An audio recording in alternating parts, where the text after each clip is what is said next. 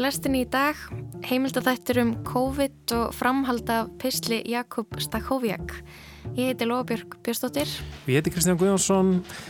Já, uh, þriðu dagur, Lóa, við erum að fara að tala um COVID. Þetta er eitthvað svona... Uh, Erstu ekki tilbúin í þetta? ég var að vonast til að við værim bara búin með þetta. Þetta er ekki að ræði þetta meira. Já, en svo komur sér heimildathættir og... Já, stormur. Stormur, þá verður maður, þá fer maður aftur að hugsa um COVID og svo er náttúrulega Í dag eru eiginlega þrjú ár síðan að ah. fólk var að fara heim úr vinnunni í fyrsta skipti eftir að stjórnvöld tilkynntum um, um sóttuatnaraðgerðir samkominnbann og setta á mm -hmm. uh, 13. mars, það er eitt, þrjú ár og, og einn dagur þá uh, voru fyrst skipti setta á þessi, þessi takmörk sko.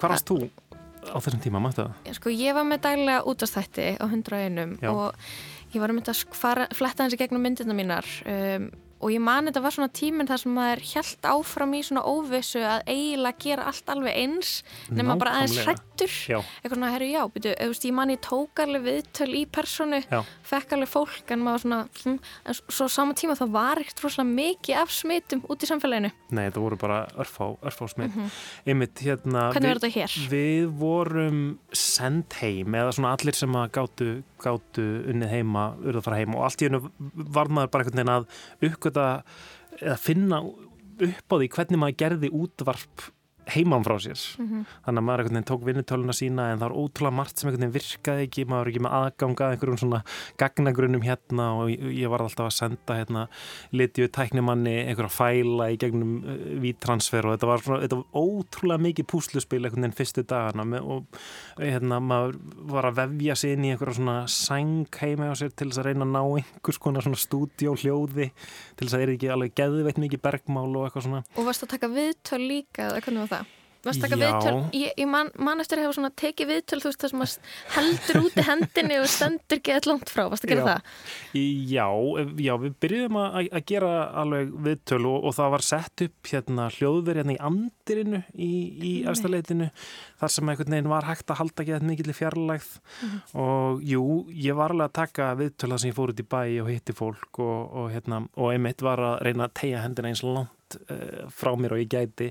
Um, ég man, held ég sko að síðan tók ég viðtal við fórsætisrað þeirra okay.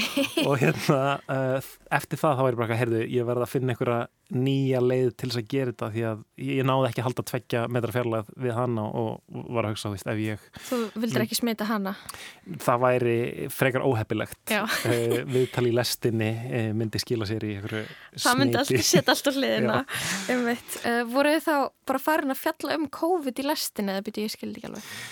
Sko, einmitt, þetta er svolítið skrítið að vera með uh, menningarþátt á svona tímum og þú kannski upplýðir þetta líka í, í þínum þætti uh, hérna, uh, á sín tíma.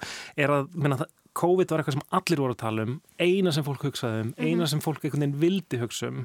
Og þá er einhvern veginn spurningin á menningarþátturinn að halda áfram að fjalla um sjónvastætti og eitthvað svona eins og bara ekkert hafi ískorist Einmitt. Eh, vill fólk heyra það og, eða, eða vill fólk kannski bara fá smá pásu frá einhvern veginn allir COVID-umfjöldunni og eitthvað svo leiðis En hvernig er líka síðan hægt að búa til pásu þegar að það er bara samkomban og það er engin að gera neitt. Nákvæmlega, það var ekkert að gerast allir viðbyrju voru að falla niður. Og bara tölvupóstfangi manns voru að fyllast af svona aflýsinga hérna, póstum mm -hmm. og svo leiðis um, en, en lestin fór þá leiða að, að byrja að reyna að sapna svona sög, COVID-sögum uh, að fara einhvern veginn leiða að reyna að segja, segja aðrar sögur heldur en, heldur en var við að segja í fréttunum. Mm, Hvernig COVID-sögur þá? Í, það var saga af eh, eitthvað 90 eh, ára afmæli sem var haldið í, í samkomið takmarkunum, eitthvað svona, eitthvað svona mannlegar sögur og svo voru við mm. líka að fá eitthvað svona heimsbygginga og eitthvað fræðimenn til þess að reyna eitthvað neginn á sama tíma og þetta hlutni voru að gerast að pæla hvert þetta væri að fara, hvað þetta þýtti og eitthvað svo les. Þannig að, þannig að það var einhver svona tilraun, tilraun til þess að takast á við þetta en samt kannski ekki út frá svona hörðum fréttavingli. En, en hérna Já, ég held allavega að ég myndi ekki nenn að rifja upp þennan tíma strax og þegar ég sá þessa uh, heimildaðætti stormur og, og rúf auglista þá er ég bara eitthvað, ég er ekki fara frá þetta. Nei, en svo sá ég fyrsta þátt og ég alveg sogaðist inn og einmitt þarna verið að sína alls konar hluti sem að ég hafði ekki séð áður uh, í umfjöldunum COVID í, í öllum þessum ótrúlega mörgum fréttatímum sem maður eru hort á um COVID. Já og það er svolítið merkilegt líka hvernig þetta eru. Þeir eru að maður fer ekki beintinu sem COVID-þreit og maður var í þegar við sögum skilið við COVID á, svona, á sínum tíma og þetta er einhvern veginn allt annað. Já. allt annir orka í þessu. Nákvæmlega, við fjöllum betur um þetta í setnileita þáttarins. Þá komaðir til okkar Sævar Guðmundsson, leikstjóri og Jóhannes Káer um, er ansóknar bladamæður og, og, og framlegandi þessar þetta Einmitt, en áður við rifjum upp COVID ætlum við að heyra framhald af Pistli Jakob Stakhoviak sem við fluttum í lastinni í ger. Þar rifjar hann upp minningar og mótandi augnabliki lífisinu, æskusuna í Pólandi þegar hann saði frá því í skólanum hann hefði lesið Brokeback Mountain í sömafríinu þegar hann játaði ást sína á besta vini sínum. Jakob heldur áfram að rifja upp augnablik sem leittu hann að því að finna röttina sína á íslensku. Þriðja minningin. Ég er 16 ára á þröskuldi þess að útskrifast úr grunnskóla og á leið í mentó. Hef ost misvond ástarljóð á möðurmálinu sem unnu þó tvær ljóðasamkeppnis. Kennarin sem áður hafði fengið mitt til að skamast mín fyrir að lesa hins einn bókmendis er allt í einu hvað vingjarlegust við mig. Segir öllum hvað hún sé stolt að bera sama eftirsnöfnið og ég.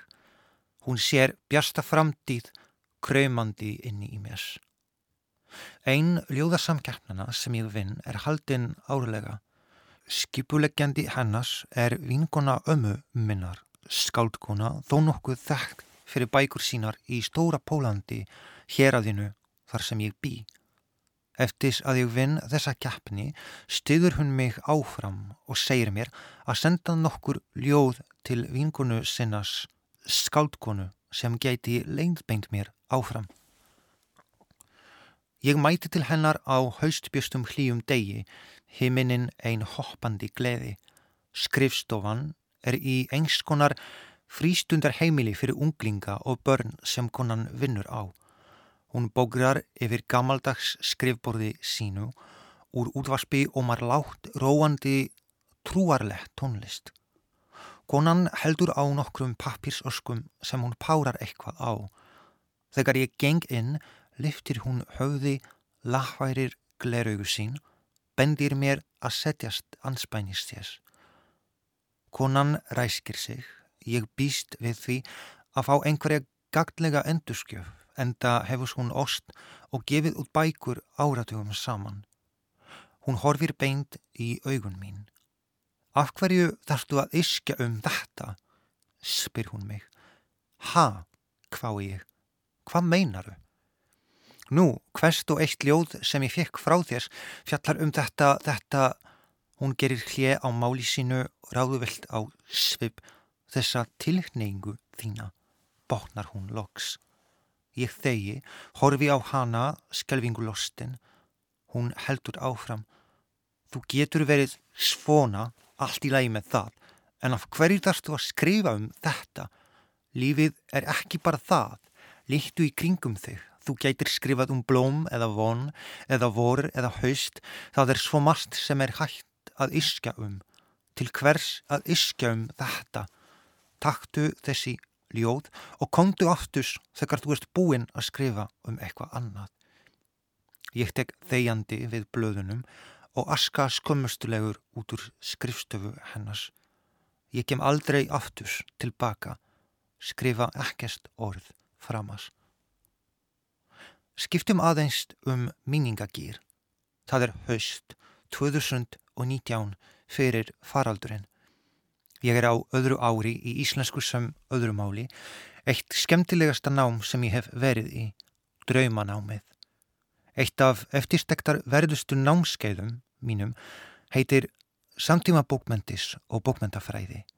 Námið samanstendus af spennandi verskefnum eins og að fara í leikhús og skrifa gagnrýni, búa til bókmentagöngutúra en líka að hitta rítvönda og tala við þá um versk þeirra. Eitt þessara rítvönda heitir Fríða Ísberg. Fyrst spilaði kennarin YouTube myndband þar sem Fríða talar fjárslega um vesk sín hver hún sé, hvernig og hvenar hún varð rítufundur. Svo lásum við nokkrar smásögus úr bók hennar kláði og Fríða kom í heimsögn að tala um vesk sín. Ekki mann ég nákvæmlega hvað hún sagði en mann hvernig. Hún talaði með sinni lágu röttu en af sannfæringu sem öskraði lágt. Ég er á réttri hillu í lífinu. Ég satt bergnuminn í bekknum í heilan kjenslutíma og þegar hann leið kom þessi staðreint flatt upp á mig líkt og þrúma úr heitskiru lofti. Fríða er jafngömmul mér. Þá ákvaði ég að gefa sjálfum mér séns og hripaði nokkur orð á blað. Þessi orð reyndust vera ljóð. Ég syngdi þau öðrum kennaranum og hún sagði eitthvað sem ég man ekki nákvæmlega. En ég man hvað rödd hennar var björst og uppurfandi og kvettjandi, sveipuð hlýju úr dýfstu sálarkjumum sem ég hafði aldrei upplifað fram til þessa. Þessi hlýja hefur sest að inni í mis og ekki yfirgefið mig síðan. Kennarin heitir Sigrun Margrét Guðmundsdóttis og er bókmyndafræðingus. Hér geti haldið áfram að mála upp dæmi af ljósríkum rítuhundum, skáldum og bókmyndafræðingum í bókmyndaflöru Íslands en það væri held ég að var gagnlaust á þessum stað og ykk þess sem það myndi engan endi taka. Það eru til orð sem geta dreyð manneskju á svo miskan stað að ekki sést til sólar dögum, vikum, árum saman. Svo eru til orð sem kalla fram sólina sem stundum felur sig feimin bak við skí og vil ekki horfa á okkur. Það eru til orð sem hljóma eins og dýfsta hauðlægð og orð sem minna á hlýja vorgólu. Orð sem draga fram kærleikan í annari mannesku og orð sem lókar hann inni í miskvaðri kompu og engin veit hvað viðkomandi manneskja getur verið kærleiksrík í framkomu sinni við aðra. Að geta heist og hlustað á þessi orð getur stundum breytt lífinu úr baráttu við miskrið í bjastan fagnadarsöng eða þau bara segðum þau oftast. Dæmin fyrir ofan mynda engskonar kost eða leiðarvísi réttra sagt leið til að glata röttinni. Ég misti röttina þegar ég var unglingus og það var ekki fyrr en um það byl 15 árum setna sem ég endusheimdi hana þá næstum 30 og fluttur til Íslands eins og mig hafði dreymt í æsku. Er þetta hlátur orðlagana sem ég heyri í fjaska? Kanski. Röttin sem ég endusheimdi er ekki svo sama og röttin sem ég misti tungumálið víst annað, orðin hljóma öðruvísi tjá aðrar tilfinningas, aðrar upplifanis. Röddinn sem ég endurs heimdi er íslensk og ekki bara skáldleg heldur fyrst og fremst mannleg. Þegar komið er fram við mann sem er mannesku, þá talar maður eins og manneskja. Mín íslenska er kannski lituð íslensku blóði en hún er samt íslenska. Hún er frjáls og gleðileg eins og nýfætt barn. Hún flýgur í loftinu sem fugl, jafnvel þegar hún er dálítið vangbrótin. Hún sendir í vopnum og ám, kafar í dýfstu tjörnum ímyndunarapsins og lokar ekki augunum til þess eins að koma upp á yfirborðið og segja mér sögur af framandi dýrum og lítrikri flóru.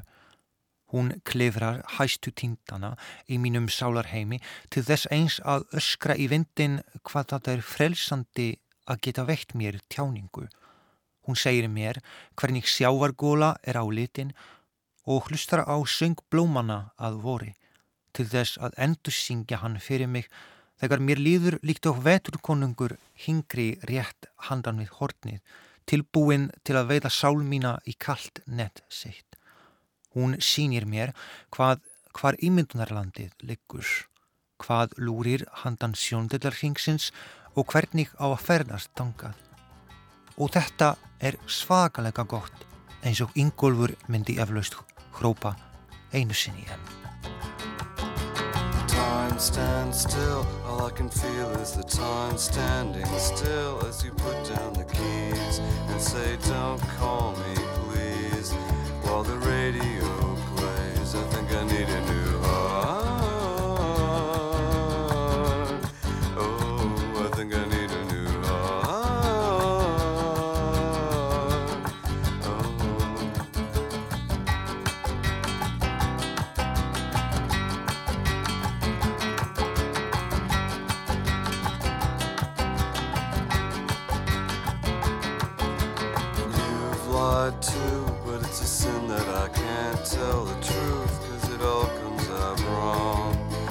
unless I put it in a song. So the radio plays, I think I need a new heart. Just for you, I think I need a new heart. Cause I always say Hljómsveitin Magnetic Fields lag af plötunni 69 Love Songs frá árinu 1999 þetta lagið I Think I Need a New Heart það var Jakub Stakhoviak sem að flutti setni hlutan af Pisli En þá ætlum við að halda yfir í COVID. Núna á um, sunnudag verður síndur áttundi og síðasti þátturinn í heimildatháttaröðinni Stormur sem að hefur verið í gangi á, á rúf þættir sem að margir held að væri eh, ekki komin tími á eh, væri, væri of snemma heimildathættir um COVID en þeir hafa reynst svona hörku vinsalir mm mjög skemmtileg þettir uh, við ákveðum að fá þá Jóhannes Káur Kristjánsson og Sævar Guðmundsson leikstjóra til þess að ræða en sko um, tókstreitina sem hlýtur að vera til þegar að þú ert annars vegar uh, í rannsóknarblæðamennsku og svona heimildamöndagerð en líka reyna að búa til spennandi þætti og okkur dramatíska uppbyggingu á sama tíma með viðfangsefni sem að það eru svo margir orðin ótrúlega þreyttir á. mm -hmm.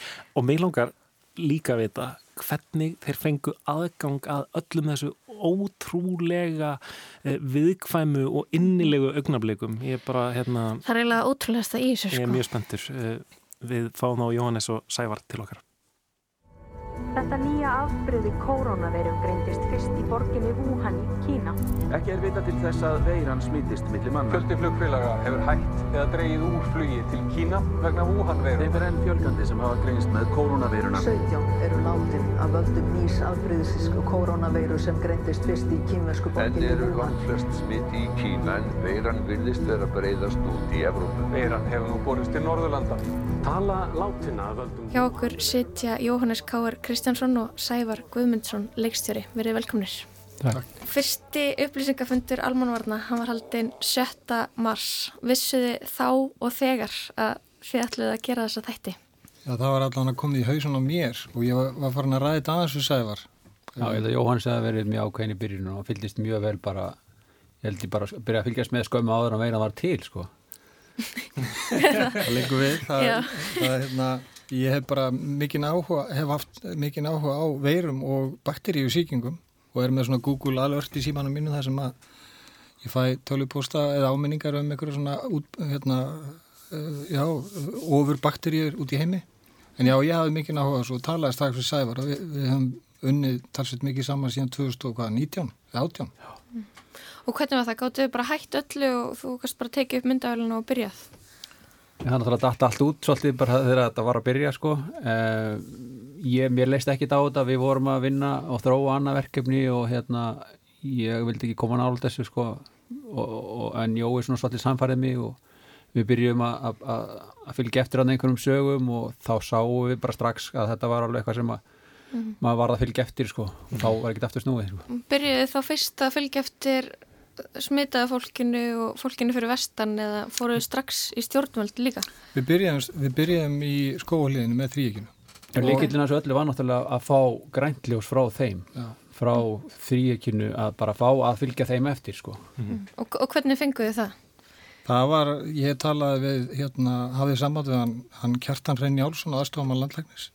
Hann er alltaf, var að vinna á, sem blaðamar á fréttablaðum þekkir, svona hann hefur þessa blaðamannabakteríu í sér og nefndi hugmyndina við hann og hann tók strax vel í hann og fannst þetta eiginlega, já, bara frábær hugmynd. Þannig að við, ég og Sæður sendum þá bref til Kjartan sem hann kynnti fyrir tríkinu. Þetta tók allt langan tíma, þau voru mjög upptekinn á þessum tíma. Þannig að við, hérna, alltaf hafi ekki verið svona vika frá því að við sendum brefið þar til við fengum svar, við viljum fá okkur á fund, fórum á fund og sá fundu bara gekk vel og þau hleft okkur inn. En, en ég velti fyrir mér sko, hérna, nú vinnum við hérna á fjölmeili og við vitum að, að hérna, það þarf að fylla bara þátt á hverjum einasta degi og, hérna, og við til dæmis í lestinni við ákvæðum að, að reyna að einbyrða okkur líka COVID og, og hérna, fórum að endurflýtja svolítið efni til þess að hafa tíma til þess að leita uppi líka eitthvað svona sögur og eitthvað svo leiðis um, þú kannski byrði það að, að vera þinn eigin yfirmaður eða ekki hérna hjá Reykjavík Media veist, þannig að þú ert kannski ekki bundin af hérna, einhvern veginn þessu svona daglega framleiðslu amstri og, og já, flestir aðri blaðamenn Nei, það er akkurat minn hérna, mín draumastað að vera í þó að þetta sé mjög ótrygg staða og, og ekki, svo sem tímaköpið ekki hátt. En þá var þetta, bæði ég og Sævar, við lögðum allt okkur í þetta. Fórum, það var ekkit annað sem við hefum verið að gera fyrir, fyrir utan einhver svona pinkulítil verkefni sem að gáðu kannski einhverja smá tekjur, sko. En annars hefur þetta bara verið, þetta, við, við hefum aldrei geta þetta án þess að, hérna, við hefum aldrei geta gert þetta öðru en að vera svona fastir í tökum og sveigjanlegir í Mhm. öllu, sko.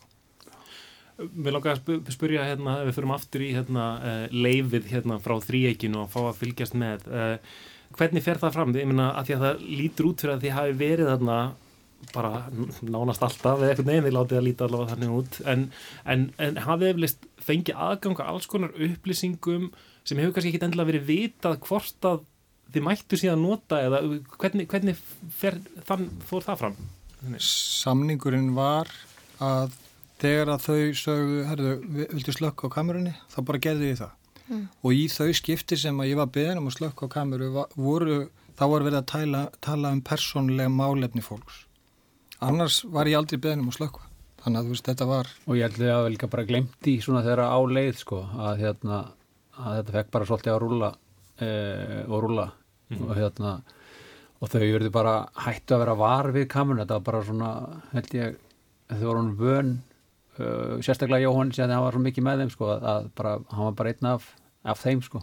Ég man nefnilega eftir þess að því að þessi, þessi aðferð í blaðmennsku mjög þekkt að vera svona flug og þegar að, ég man ekki hvort það var Þórólfur eða, ég held að það hafi verið Þórólfur þegar hann segi við mig, þá er ég búin að vera að mynda í nokkra daga og hann segi, veistu það Jóhannes, ég bara, ég, ég bara tók ekkit eftir þeir á fundinu og þá, það, þá leið mér vel vegna að þá er bara svona free flow þá er bara frá, hérna, algjörlega það er, ekkit, það er engin hindrun hjá þeim sem að þú veist, er á fundinum allan ekki þóruli, þá er hann bara að segja hlutin eins og þeir eru Mm. og, og síðan var þetta bara þannig með alla sko. Einmitt. En þið eru náttúrulega ekki bara að fylgja, fylgja eftir þríeginu og helbriðstarfsfólki heldur, eru þið líka eh, með fólki, sjúklingum og aðstandendum smituðum af COVID bara á mjög viðkvæmum augnablikum og hérna, mjög náið einhvern veginn. Uh, hvernig, hvernig kom það til að, hvernig er að fá leifi til þess að vera með á þessum stundum? Er það ekkert flókið?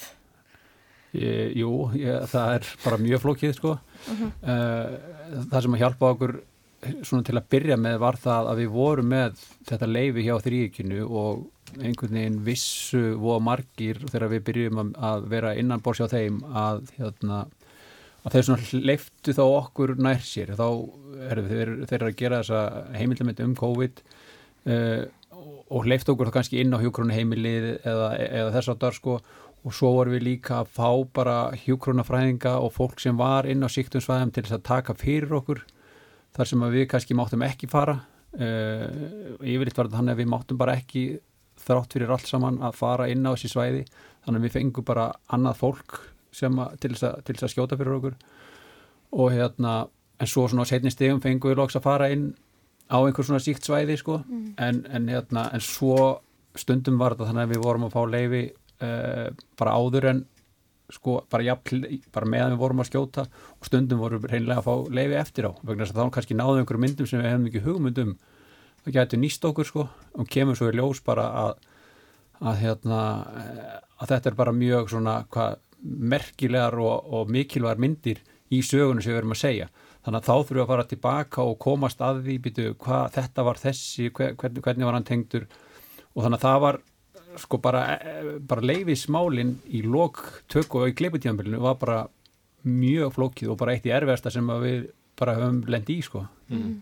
Er eitthvað af hérna senum og, og einhverju svona rosalega miklu gullefni sem að þið þurftu bara að henda eða hvað?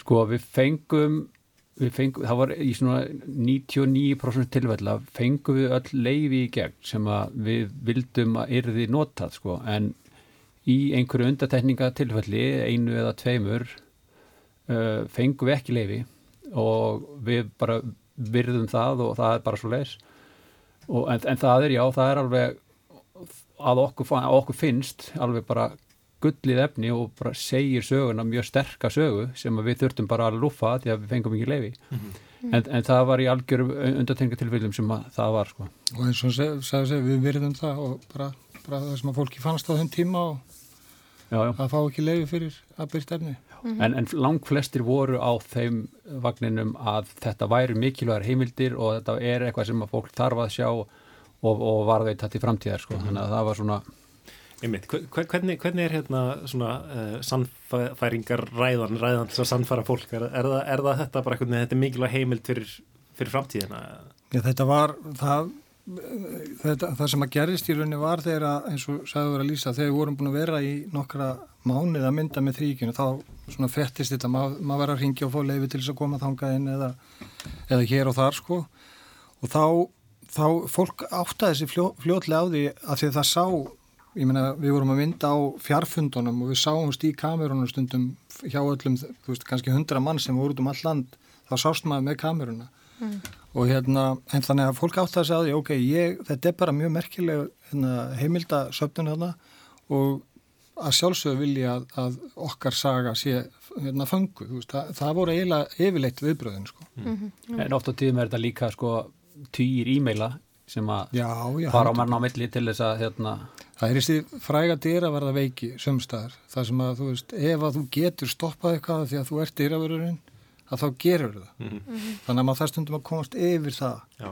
og það er oft alveg mjög mikil vinna og samfæringakraftur og stundum það maður að fara í bara næsta yfirmann sko, mm -hmm. til þess að benda viðkomandi á að þú veit að hleypið þið minn, mm -hmm. þetta bara skiptir miklu máli Svo svona heiti ég Læknir Já, þetta er slett Já, Já. Það er þurr Ha? Ég held þú sért pílu þurr. Þeir vantar vöðva. Er þetta ekki búin að vera nógu að dullega að drekka? Nei, ég held ekki. Nei, ég held ég sammála því. Já. Hún er mjög listalauðs og er bara búin að vera upp í rúmi. Þannig að þetta er fyrsti dagurinn sem að hún er bara, tristir sér ekki að fara í född og er bara búin að vera í rúmin í allan dag. Sko, ég fann hjá sjálfur mér smá mótstöðu Eh, upplýði svona ég, að ég væri ekki alveg tilbúin að horfa á heimildu þetta um COVID strax með hérna COVID er einhvern veginn ennþá í gangi fólk er ennþá að deyja um COVID og, uh, einmitt, og bara þreytandi tími og bara veginn, ekki liði nógu langur tími. Og svo horfið maður og þá uh, þú veist, sér maður einhvern veginn hvað þetta er og maður vil bara sjá meira. Um, og ég hef heyrst þetta hjá fleirum. Og svoast inn einhvern veginn já, já. en stóð aldrei til að býða hans með hann þátt að, þarna, að leifa lengri tíma að líða frá COVID og fyrstuðu að gera þetta strax? Ég held, ég held að sko, ég held að það, þú veist, hvenar er rétti tímin mm -hmm. það er líka spurningin sem við vorum að spyrja okkur að sko. Ég held að sé aldrei, ég held að sé engin einni rétti tímin fyrir að sína svona þáttur að þannig að að mínum að allan held ég að þetta sé bara alveg af góð tími og þó við hefum sínt hann eftir ár Já, ég minn í rauninni hefðu getað sínt hann bara jafn óðum en við náttúrulega vorum ekki það fljótt til að vinna þetta sko en, en það hefði ekki verið neitt öðruvísi að horfa á þetta bara meðan COVID er í gangi.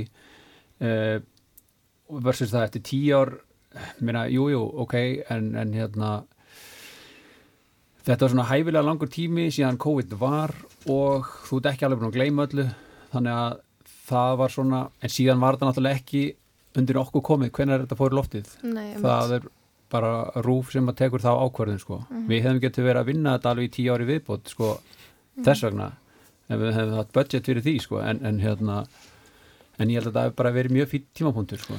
en, en er þetta ekki líka þessi svolítið spurning um hvað þessi þáttur á að vera hvernig litið þið á þetta? Hugsaðu um þetta sem uppgjör við COVID? Ekki uppgjör, heldur bara þessa, þessi samtíma heimild um faraldurinn uppgjörið það, það á, fer, þarf að fara fram eftir nokkur ár sko. mm -hmm. þegar reikið er sest og þegar COVID er þetta er bara orðin sjúkdómi sem við lifum með og munum lifa með veist hérna bara út okkar aldur sko mm -hmm. þannig að ég held að uppgjörið muni fara fram miklu sitt en, en sko að því að við, við hefum líka heyrt þetta einmitt þar sem að þú veist að lýsa að þú hefur ekki verið tilbúin til þess að horfa á þess að þætti bara einfallega vegna upplöðunar þinnar í faraldrinum og stuttum lið og allt það. Við hefum svo sannlega heyrt þetta frá fólki. En um leið og það sama gerist akkurat þegar um leið og fólk sér bara eitthvað smá bút úr þætt, einum þætti þá vill að horfa meira og hefur svo hort, hám hort á það sem það getur hort á. Við erum alltaf búin að sína sjö þætti núna. En það sem okkur þykir merkilegt við letum gera könnun hjá e, prósent hérna e, könnuna fyrirtækinu. Og þar kemur í ljósa þetta mjög stór könnun að þeir sem að horðu á storm að það voru 94% af þeim sem horðu á storm sem að voru mjög ánæðir eða frekar ánæðir með þættina. Mm -hmm. Þetta er bara svona tala sem að uh, okkur er sagt að sé bara, já, mm -hmm. svona daldi sérstök, sko. Einmitt, það er bara verið eins og, hérna, handbóltalandslisleikur sem vinnst. já, en ég menna, svona er þetta og það er svo, en svo er náttúrulega er þarna fólk líka sem bara tristir sér ekki í þetta og það er líka fólk sem að gaggríni þáttinn áður en að, sko, áður en að fór í loftið og líka fólk sem er að gaggríni þáttinn á þess að hafa séð einasta að ramma úr þættinum sko. mm -hmm. En þetta er náttúrulega bara fyrst og fremst bara persónulega sögur, Vi, við erum bara að segja sögur af því sem var að gerast á staðan, við erum ekki að taka neinar afstöðu eða, eða hérna, með nein línuritt eða, eða neinar tölur veist, það er bara er algjörlega eh, óviðkomandi öllu nema að bara snúi beinlýnis að sögunni og þetta er bara, fyrst, þetta lú, lítur öllum lögmánum kvikmyndagerðarinnar, þetta er bara að segja sögur og þetta er það sem þetta snýst um sko. Kombóið, ég er búin að vera í svona, já, hvað maður að segja, svona hardcore blaðamenn sko í, í 20 ár hann er búin að vera í kvifundagerð og hérna bara, já, hardcore kvifundagerð í 30 ár, eða hvað Já, mm -hmm. og við þurftum alveg að takast á, það voru alveg þurftum að takast á þessi tvö sjónamið sko, eða skilu þessi tvö svona mm -hmm. Og það var bara eiginlega það besta sem kom fyrir þessa þætti sko, mm. það þurfa einmitt að berjast um hlutina sko. En uh, það er einmitt það sem ég er svolítið svona forritin um. Það er sko, það er annars vegar uh, bladamannskan heimildið þáttagerðin og svo uppbygging, uh, eitthvað svona dramatísk uppbygging í sjómanstætti, hvað er áhugaverst að horfa á, uh, hvað heldur manni föstum við skjáin, hvað er spennandi, hvað er dramað, húmúrin mm. og og svo er þið með eitthvað hei, svo er þið með svona sanna atbyrðu, eitthvað svona sögu sem þið þurfum að gera skil hvernig Uh, hvernig er það að vega og meta hvað hva fara að verið með í þættinum? Það var nú oft, það var átökinn snýrist aldrei mikið um það. Já, sko þetta er, þetta er sennilega með flóknæri verkefni sem ég hef nokt hérna tekinn að mér uh, og, og hef ég bæði leikstýrt og klift sko leiknu efni og leikið efni er bara, það er bara ekkert mál með að gera svona. Þetta er, mm. Við erum með svo ógeðslega mikið magna efni og, og, og finna hvað er sa góð saga og hvar, hvar getur við gert framhaldaðinu og hvernig getur hún aldrei áframleis uh, eh, það var bara svona já, mjög flókið og, og hérna við fengum, þegar við vorum búin að vera nokkri mánu, við fengum hann Heimir Bjarnarsson með okkur sem að klifti þetta, svona tók svolítið fyrsta rönnið á þetta mm. og fóru gegnum allt og uh, það fór góði gegnum hverja einustu mínutu Hvað er þetta margar klukkstundur af efni sem þið tókuð? Við vitum ekki, það tekur svona 2-3 daga að reiknað út sko. Og við hefum bara ekki lagt við hefum ekki tímt að leggja í þá vinnu. En veist, þetta er um 400 og eitthvað tökudagar og við erum að skjóta á við sem að nota undir 1% efni sem var skotið. Ég meina, voru ekki að taka bara allan tíman sem þið meira að minna? Mjög, bara, jú, ég meina, sögmi daga voru bara kannski tíminnatökur en aðra daga voru 6 tímatökur Já. Já. og allt þar á milli sko. Þannig að En svo, svo er þetta bara þannig að hérna, við, við unnum alla, þátt, alla átta þættina samtímis. Þannig að e, við vorum ekki að klára eitt þátt og læsa sett honum eða neitt svo leiðis þannig að við vorum með alveg rísa stóra örk og vorum að færa senur á milli úr áttunda yfir í fyrsta eða, eða svona fram og tilbaka og hérna og bara fá uppbygginguna til þess að flæða og þannig að sé, þú veist, þetta tempo og sagan sem hefur þá upp að miði og endi mm og þannig að þetta var bara, já eins og ég segi, bara flóknastar sem ég hef tekist á því sko. Mm. Við langar að spyrja, sko Jóhannes kannski svona meira út frá einmitt kannski svona bladamennsku uh, sjónar meði þarna eru við að upplifa tíma þar sem að uh, stjórnvöld eru með eitthvað mestu ingripp í, í frelsi og bara mannréttindi borgarna sem að sést hefur í Íslands sögunni um, við erum að sjá söguna að hluta til frá einhvern veginn sjónarhóllin þeirra sem er að taka þessar ákvarðinir og í rauninni frá sjónarhóli valdsins sko hvernig eh, en, en svo kannski vinnið á móti með því að segja sögur vennilegs fólks og jáfnvel jáðarhópa og hérna og svo leið sko, hvernig fyrir, fyrir bladamannin að að vera allt í hennu flug á vegg hjá valdinu og ekki að vera einhvern veginn kannski með hvað ég var að segja, þína krítísku uh, kommentari einhvern veginn á það sko. Sko ég, hérna, þegar að, þegar ég byrja að mynda með þrýkjuna þá þessi krítiska hugs, hugsun hjá mér er alltaf í gangi, hún bara hverfur ekki svo öðlega sko. Og bara í öllu og, og hérna hvaða frétt sem ég horfi á þá, þá þú veist, kemur þessi hugsun upp. Og það var alveg það sama upp á tegnum með þegar ég var að mynda með þrýkjunu og þegar ég var að byrja þá hugsaði með mér og ég var eiginlega svona viss um það að það er eitthvað sem þau eru ekki að segja. Það er eitthvað sem þau eru ekki alveg að veist, það, þetta getur ekki verið svona slett og fælt sko.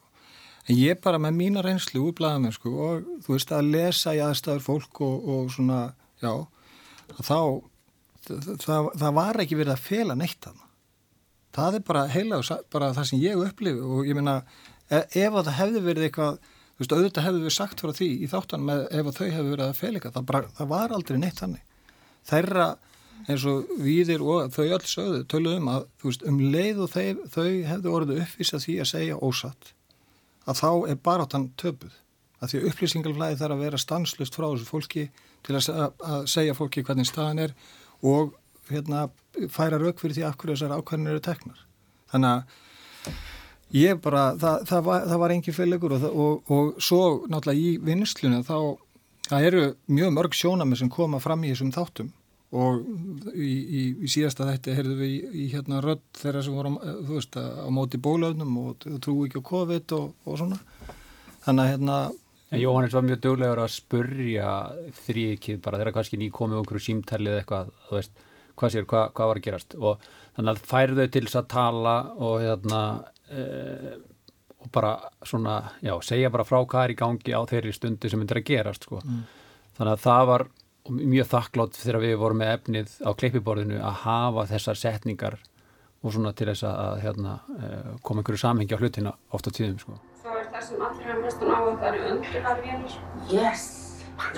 Heyrðu, það eru, sko, það eru þetta til rúmlega 50 öndunarvélar, svona að bestu gerð og svo til aragrúi af öðrum vélum og í versta falli getum við látið læknunum að handpumpa eins og var gert í hérna, hvað heitir að lömunaveiki faraldurinn í Kaupmannum 1993 þegar gjörgæsla var til.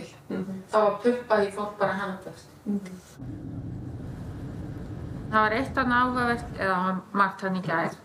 Það var þetta með að kaupa öndunarvél. Það er svona quick fix sem að sést. Halda allir að öndunarvél sem bara kveikju slökka. Það, það er að spila á hann eins og píanós.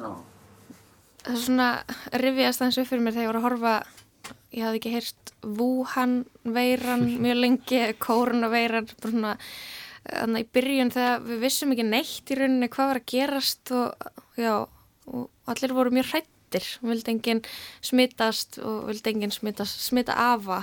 Svo ef maður einhvern veginn og, og ég man það svo stert eftir þessari tilfinningu, allir voru heima og ákvörð þá ert þú þarna bara að taka allt upp. Varst aldrei hrættur um að smitast ég, þetta er kannski skrítið spurning núna þegar allir eru búin að fá COVID þrísvar en þarna þá var maður bara mjög hrættur Sko, ég, þegar ég var fyrir verstana þá, þá var ég nú, er, sko, fættur upp, eða ekki fættur, ég er uppalinn að vestan ég er vestfyrringur og þekki mikið af fólki, á mikið af skild fólki og það var ekki nokkuð leið fyrir mig að fá, sko, gistingu fyrir vestan á þessum tíma.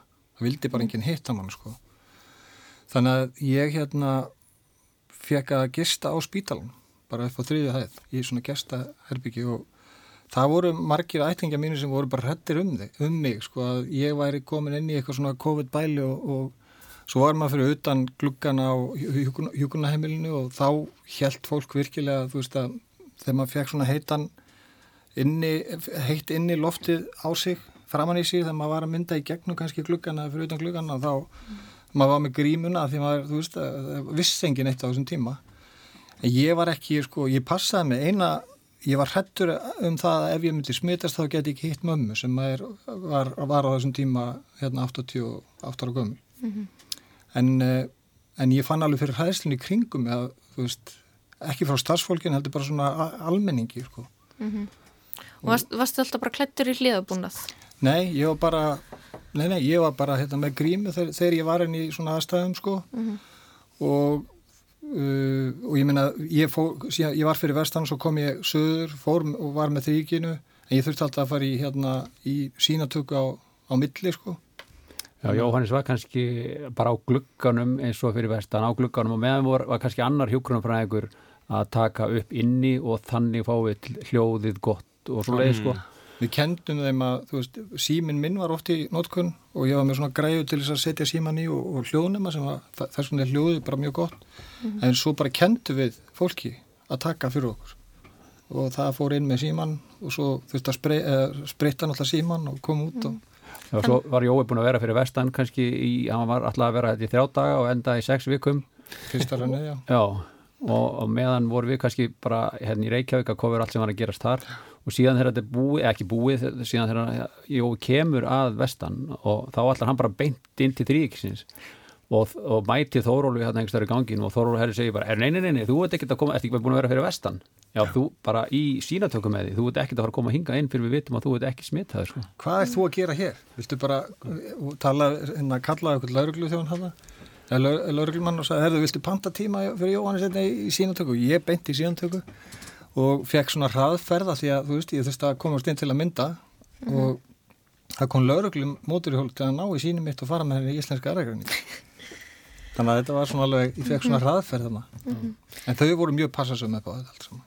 Einmitt, um, sko ég, ég hugsa um þess að þætti það er eitt við á er þetta ekki þættirnir svona sem að munu hjálpa okkur að muna eftir COVID svona var þetta það lítið svo að vera úrslega mikil ábyrða að segja þessa sögu uh, svona var COVID, það var bröðst svona við þetta var fólki sem uh, gerði þetta og Menna, það mun engin Já. annar segja þessa sögu, sögu í meiri smáandriðum eða, eða, eða af jafn mikil insýn það er bara á hreinu mm -hmm. ekki samtíma söguna en mm -hmm. svo er allt annað mál sko þegar á að fara að gera þetta upp og það við eigum alveg við höfum alveg rætta þó við séum nú ekki hrifnar af hugmyndinu núna kannski akkurat við segjum þetta en eftir nokkur ára þá erum við alveg tilbúin til að skoða að gera tvo þætti viðbót.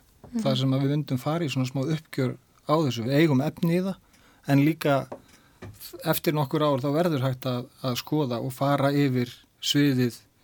Uh, vegna að ég hef þá trú að Ísland eigi eftir að skora dátti hátt á þessum lista yfir, það var allavega mjög margt sem að við Íslandinga gerður rétt, ég hef þá trú sko. Svo ég fór með þetta svolítið það í huga að ef við hefum haft aðgang og fengið svona heimildamind um hérna, spönskuveikina 1918 og verið að horfa á það í dag veist, svona mynd að það hefði bara verið algjörlega frábært sko. það er bara að fá að sjá og komast í þessa einsýn og samanskapi erum við svolítið að reyna að gera mynd sem að veist, verður mjög áhugavert að sjá eftir hundra ár sko, að hérna uh, hvernig veist, COVID mm. bara reyði við landið sko. mm -hmm.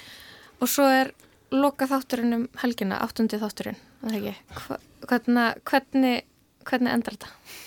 Enda með kreidlista Það er það hann já, ég... Þetta enda bara vel eða svona, kannski ekki allt en, en, en svona mest megnis Hvar eru við skilin eftir í sög, sög, sögunni? Hvar setið þið punkt? Sko, einhver staðar örðu við að hætta. Uh, við eigum, við, við skutum alveg þanga til í lokást 2022 held ég eða eitthvað þess að það sko. En við erum að sagan okkar hættir sumari 21 og það var bara það var bara, ég hef ekki bara að segja það var ekki til peningar til að gera fleiri þætti sko. það, við, við verðum að sko, stoppa til þess að bara ná þessu öllu saman og, og koma að síða eitthvað en, en við hefum vissilega getið gert annað sísón sko. en við bara svo þetta er engin auglýsing, þetta er bara fakt að við ætlum að gefa bók fyrir jólinn mm -hmm. sem að heitir á að heita í gegnum stormin og það er svona sögurnar á bakvið þættina og það er líka, það er svo marg sem að maður upplifði og við báðir í þessum hérna, þessu ferðallu að sko sem að maður náði, þú veist, er ekki hægt að segja í sjónvastáttum mm -hmm. en eru mjög merkilegir og, og hérna segja bara sögu faraldur sem slíka sko, mm -hmm. svona Ja, verður það þó meira, ég minna, í, í þessum þáttum þá náttúrulega, eins og þú sagðir, þá eru þið fluga á vegg, um, þið eru ósýnilegir, við vitum ekkit hver það er sem er að taka, taka upp þessi myndbönd, það er einstakar sinnum auðvitað sem að fjóruði veggurum brottar hana, um, en, en, en þannig að kannski ykkar saga kemur þá meira í gegn í, í bók, bókinni eða hvað?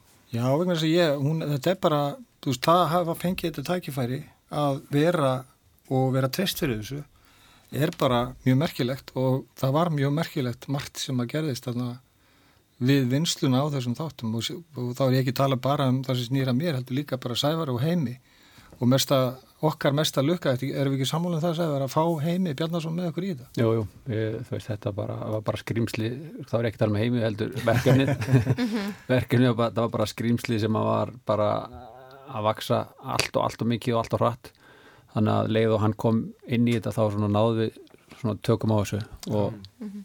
og hann er, hann er 20, hvað er hann, 20, 27 ára. Já hann var 26 ára, þegar, nei 25 já þegar hann byrjaði nýs, já. Og fá svona, svona bara ungan og rosa öflugan með og hraðan klippar mjög hraðan, já. Mm -hmm. og, og hann er bara, já þetta var og bara, við, við, ég, ég persónulega lærði hell ekki af sko heimi. Mm. Mm -hmm. Vitið til þess að, að einhver staðar annar staðar í heiminum, þetta, við náttúrulega búum við e, þau, e, það, það er aðstæður og það er hægt að nánast ná utanum faraldurinn hjá heilli þjóð sem náttúrulega freka magna, en vitið til þess að einhver svona önnur, kannski svipuð áþækverkefni, einhverju sem að hafa fylst með allan tíman e, einhver staðar annar staðar og, og, og náða að gera eitthvað? Sko við höfum aðeins náttúrulega þegar við erum á kavísu þá hefur náttúrulega verið að fylgjast með öllu COVID tengdum heimilda þáttum eða, eða myndum sem hafa verið gerð og, og við höfum ekki séð þessa dýft neinstæðar sko. En það, ég held að sé ekki mörg ríki sem að myndi einhvern veginn fá aðgang bara inn til fórsætsráð þeirra og inn á gafl hjá þeir sem að stjórna aðgerðum sko. Þannig að það er svona okkar sérstæða Við höfum verið að sjá myndir af veist, bara einangruð eða þar að segja mynd, það er spítali í New York uh, og það eru læknar að deyja og það eru auðvitað sjúklingar að deyja og svo eru aðstandendur og það, það náð hérna, þeim í þessari mynd að náðir vel utanum ástandi sko en það fer ekki út fyrir spítal mm. mm -hmm. við sáum það bara eiginlega í uppafið akkurat þetta væri svo gott tækifæri til þess að ná utanum uh, þessa brálaðislega miklu vinnu yfirvelda við að ná, ná halda þessu, reyna að halda þessi skefum en, og bara þessi mikrokosmíska mynd frá hérna, Ísafjörðu og Bólingavík Þannig að, að því að sko, eins og þau brúðust við, það var alveg, þau brúðust alveg ja, eins við eins og því ekki í Reykjavík sko. Þetta var bara smækku mynda því. Emitt. Já, þið getur kannski ekki alveg sagt hvernig áttundi þáttur endar, hvernig loka þátturinn endar, en hvaða tilfinningu vildu skilja áhraundur eftir með, eftir áhorfa á þess að þætti? Það leikstjóra þar svo. Eh, bara sko, við vildum ekki að fólk færi út eh, ekki út, en það er ekki í bíó ef, ef að fólk allavega myndi standa upp á sófórnum bara með, með þunglindi sko við vildum skilja eftir bara von og gleði og, og hérna á bjart síni e, já, fólk á bara með, með, með bjart síni brósti þegar það stýgur upp á sófórnum sko mm. Ég finn það mjög mikið bara í öllum hinnum þáttunum sem ég er búin að horfa af, af, af stormið að það er alltaf mjög stutt í grín og mjög mikla bjart sinni og eitthvað svona, já, mm. eitthvað fallegar sögur af góðum manneskum. Þið settu svolítið mikinn fókus á það. Já, sko, manneskjöldnar í þessum þáttum er, held ég það, er svona mesta bara, ég, svona, hef, ég veit ekki hvort sé hefni eða hvort þetta sé þverskurður, sko, en en ef þetta er ekki þverskurður þá erum við mjög heppin með fólk sem kemur annað við sögu mm -hmm. og hérna og bara hvað þið gáðu mikið af sér og hvað þið eru mikið að bara, já, fallegum sálum bara sem að fá að uh, vera þarna sko. Ég, ég upplýði þetta mjög stert sko því að við, það eru, 100, eru 160 viðmælendur í þáttanum. Já. Og, en þeir eru miklu, miklu fleiri sem að við tókum viðtul við uh, ég veit ekki, það er örgulega þrísasunum þú, þú talaði meira já, já, já. en það var þetta sem ég allan uppliði bara út á landi og hinga á þanga að það eru allir með þetta sko sterka björgun að sveita manna element sem er svo stert í íslensku þjóðinni sko. það bara, ef það var verkefni til, til að leysa, það var það bara að leysa saman hvað svo erfitt það var mm -hmm. og gafst engin upp Já, það er bara svo margar fallega sögur eins, og, eins og samband hérna, hennar Helgu við Agnesi, Helgu sem 120 ára við barnabandi sitt Agnesi. Og svo er Ragnar samband hans við uh, barnabandi sín uh, hérna Sigurgeir og Byrtu Þetta er svo mikill léttir. Hún er bara alveg eldspræk. að Langt síðan að vera svona res. Amma, þú varst að fá blómvönd. Innilega til hamingi með afmælið og lífið. Kær kveðja, Katrín Jakobsdóttir, forsætisráð Heldur það sé? Fórsetisráð, er það kona? Já. og svo eru, þú veist, svo eru við með gilva í sóttvarnarhúsinu og svo eru náttúrulega með þríkið og víðir sem er bara eitt stórt hjarta sko og, og hérna um, En svo erum við með alla sögðan sem var, við, við, við gátum ekki uh, notað, eða það er að segja, við, það var bara ekki pláss fyrir það. Til dæmis bara ein mjög sterk saga af henni Helga því hún er náttúrulega stjarnað þáttana, Helga heitinn. Mhm. Uh, 120 ára þegar við byrjum að myndana og ég myndaði hana segja Agnesi eina MeToo-sög. Já. Einmitt. Spáði það. Já. Það Mhm. var, það, þú veist, en við gátum bara ekki, það var ekki pláss Nei. til að nota það og, kannski notum við það síðar. Já, það var eitt af því sem þurfti að fjúka við þurftum að það er rosalega mikið að fjúka til þess að bara halda þessu uh, tempo í gangi og, og svona sko Einmitt. Hérna hún hérna Hrafnildur sem ge- gerði hérna svona fólk þættina um, um, um sögu hinsegin fólks uh, á Íslandi hún, hún fór þá leiða að í rauninu opna vefsvæði þar sem að var hægt að fá aðgang að uh, þessum heimildum að því að, að því að hún matta sem svo að það, þetta væru merkilegar heimildir fyrir uh, bara þjóðina og sagfræðinga og svo leiðis er, er, kemur eitthvað þannig til greina að bara einhvern veginn byrta heildar efnið eða svona eða einhver, einhverja rittstýrað útgáða því, ég veit það ekki. Við höfum alveg rætt þetta sko. Uh, en þú veist þetta bara þetta er ógrinni, þetta er, þetta er svo mikil vinna sko að að koma í kring og auðvitað væri þetta frábært ef að, ef að hérna ef þetta væri hægt En það þarf að fá leiði frá ansi mörgum. Af því að, já, ég minna, það er ekkit annað sem þólur ekki dagsljósi. Það má ekki, en það er bara, það er bara spurningin, þú veist. við erum náttúrulega mikið að viðkvæmi sjúkra Já, sjúkra á skágnum og, og þess að það sko sem eru svona sem það þarf að passa upp á. Það þarf að fara, það er bara, þú veist, þetta er mjög mikil vinna að fara í gegnum þetta efni og við höfum alveg líka uh, rætt að við þurfum að, að hérna, gera það og það er bara við sem getum gert það. og, og, og leifismálinn bara fyrir þættina var það mikil vinna og þú veist, það fór það mikil púður í það að fara að gera eitthvað svona og, og koma því líka í loftið það er bara jafn mikil vinna og ef ekki meiri sko. þannig að þetta er, þetta er hægara gert en sagt en, en vissulega verður þetta frábært að koma þessu í gagnið Heimild. Magna heimild. Já, um, til hamingju, innilega til hamingju með heimildættina Stormur. Síðasti þáttur á sunnudag. Já. Takk ykkur kærlega fyrir komuna, Sævar og Jóhannes. Takk fyrir.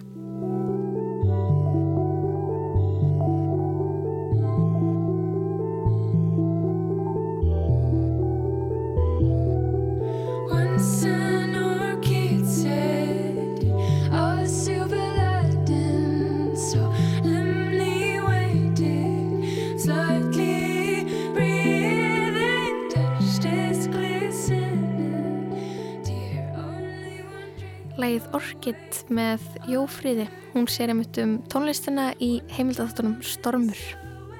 Já, Jófríður á, á rífandi siglingu þessa dagana. Um, Pitchfork valdana inn á playlista hjá sér og svo sá ég að hún var með tónleika inn á Arte sjónastöðinni, Eurósku menninga sjónastöðinni mikið að gerast í Jófríði. En já, síðasti þáttur af stormi á sunnudag ég mun fylgjast með. Já, eins og heyrðist kannski í viðtalinu þá er ég mjög forvitin að vita hvernig er enda, er, ég er mjög forvitin að vita hvar þeir setja punktin, hvernig þeir ætla að ljúka þessu ferðalagi. Það kemur í ljós. En ferðarlegi okkar í dag er lokið um, við Kristján og Lóa þökkum fyrir samfélgina í dag. Tæknum var Lítja Gretastóttir, við sjáumst áttur á morgun, eða heyrumst, verið sæl.